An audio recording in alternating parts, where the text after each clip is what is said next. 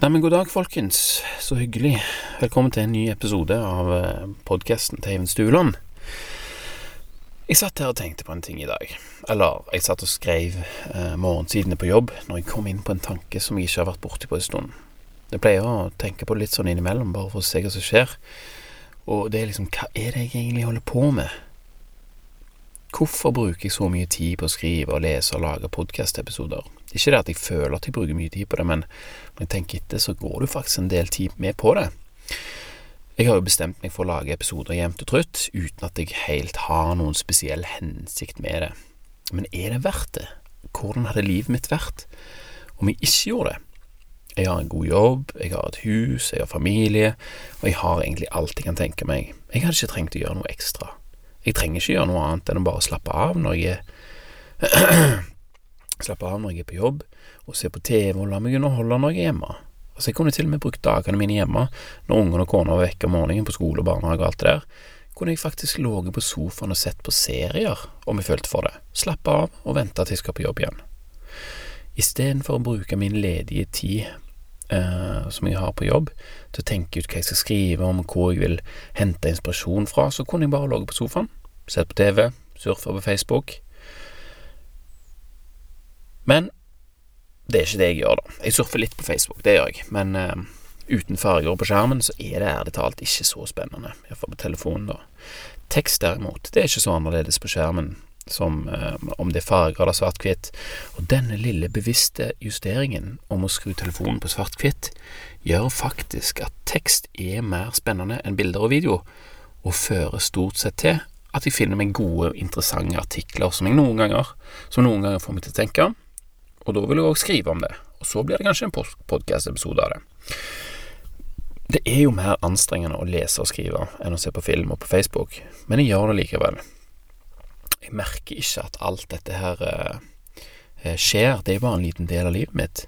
Men når jeg tar meg i å tenke denne merkelige tanken om hvordan ting hadde vært om jeg ikke gjorde noen ting, ingenting ekstra, så ser jeg for meg at det blir veldig sånn tomt og meningsløst.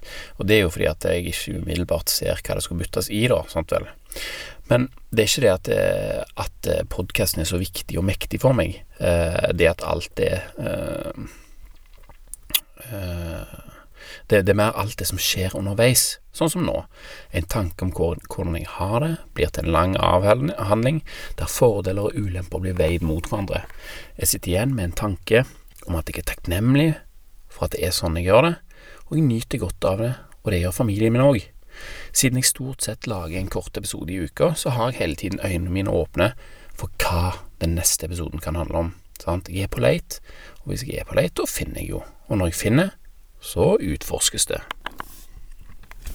Og morgensiden mine lærte meg å bli klar over hva jeg gjør, og hva jeg får ut av det. Sant vel? For det er det du sitter og skriver. Det er da det blir tydelig for deg. Jeg hadde et eksempel her hjemme der eh, Barbro fortalte meg, kona mi fortalte meg en episode som hadde hendt fra jobb, og rett etterpå så sa hun bare sånn Å, fy søren, når jeg forteller dette her til deg nå, så skjønner jeg jo akkurat hva det er jeg må gjøre. Og sånn er det med morgensiden òg, sant vel. Når jeg sitter og skriver noe, så kommer det sigende innsikt som jeg så går dypere inn i, og når jeg prøver å forklare det jeg har oppdaga eh, på podkasten, så er jeg noen massevis av potensielle måter jeg kan forklare det jeg har funnet ut på, og det fokuset gir det jeg jobber med, en tyngde som eh, ikke hadde akkumulert seg om det bare var en artikkel jeg hadde lest for min egen del, så sveipa innom oppmerksomheten uten å etablere en eh, bredere forståelse for hva den betyr, var du med på tanken?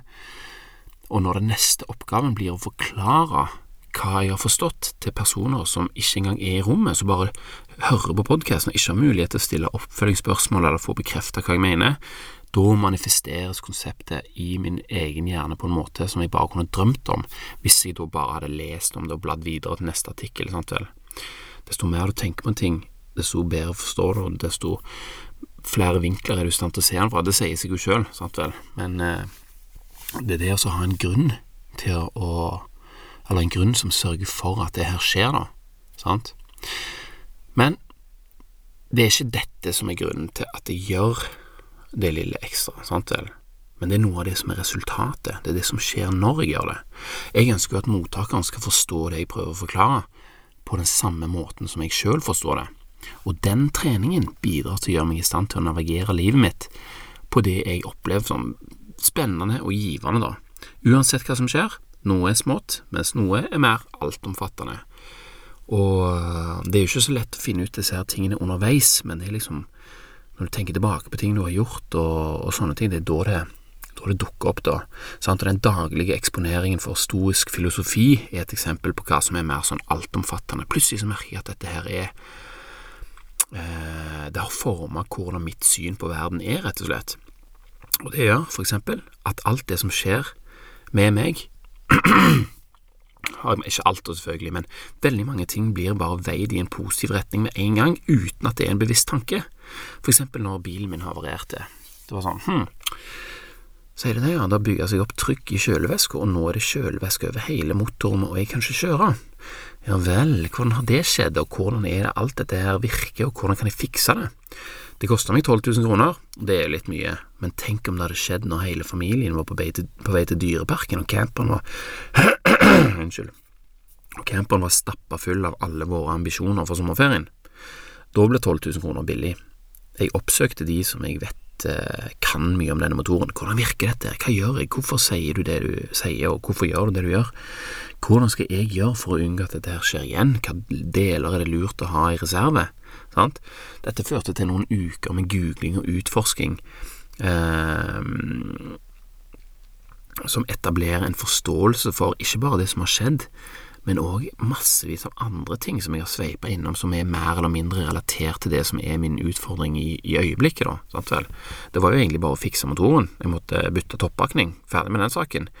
Men sånn, så begynte jeg å sjekke sånn, kan jeg bytte motor, hvordan gjør jeg det, hvilken motor er bra for denne bilen, og hvorfor, og hvem andre har gjort det, og hvordan gjorde det, og hvorfor gjorde det, alt dette her.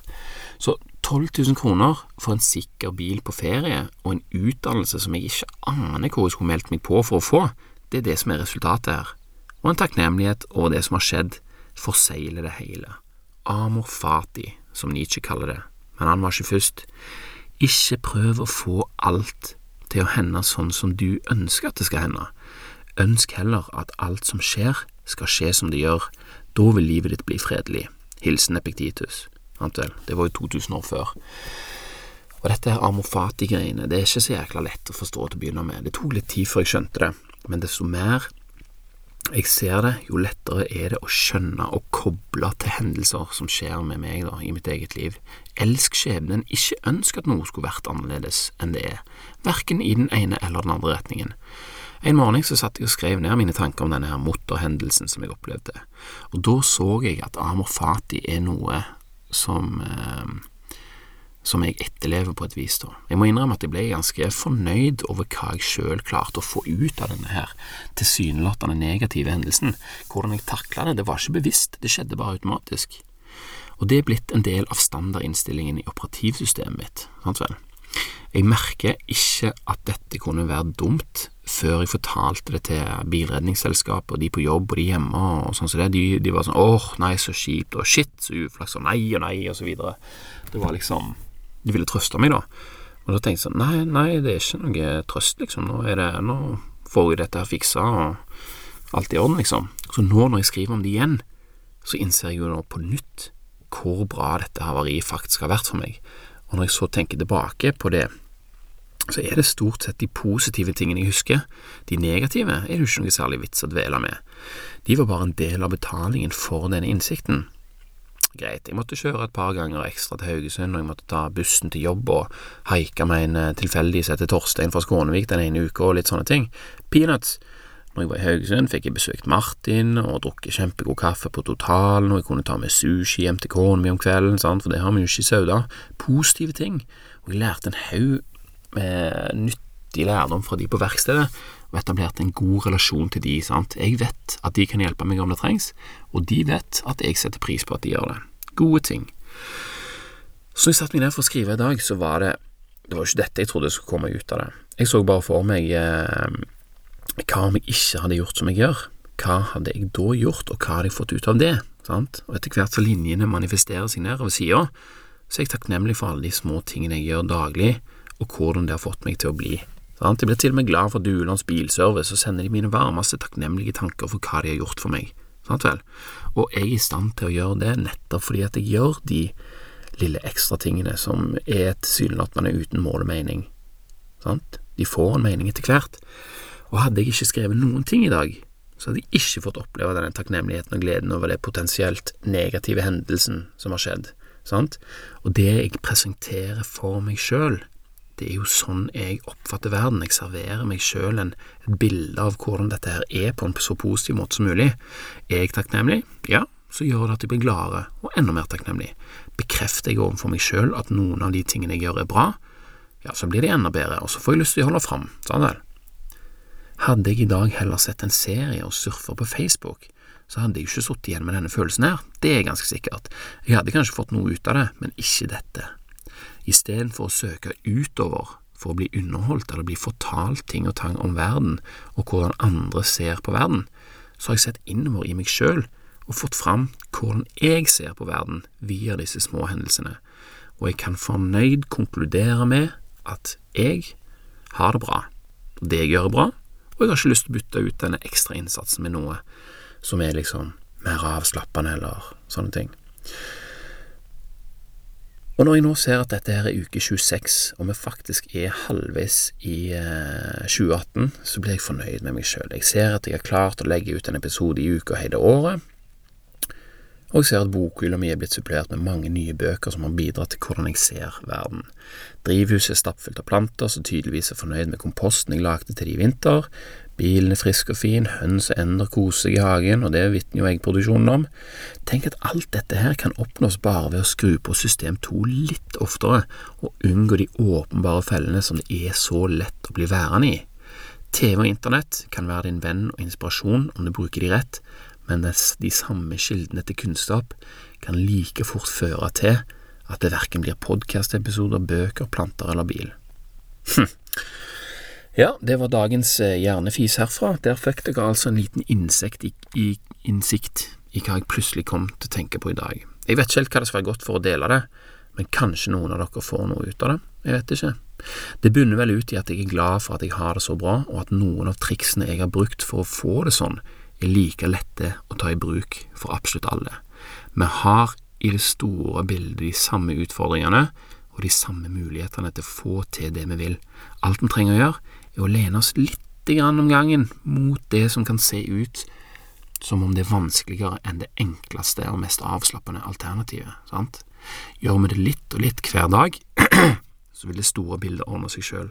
Og en dag når du sitter og skriver det du tenker på, så oppdager du hva du har gjort, og hvor glad du er for at du har gjort det.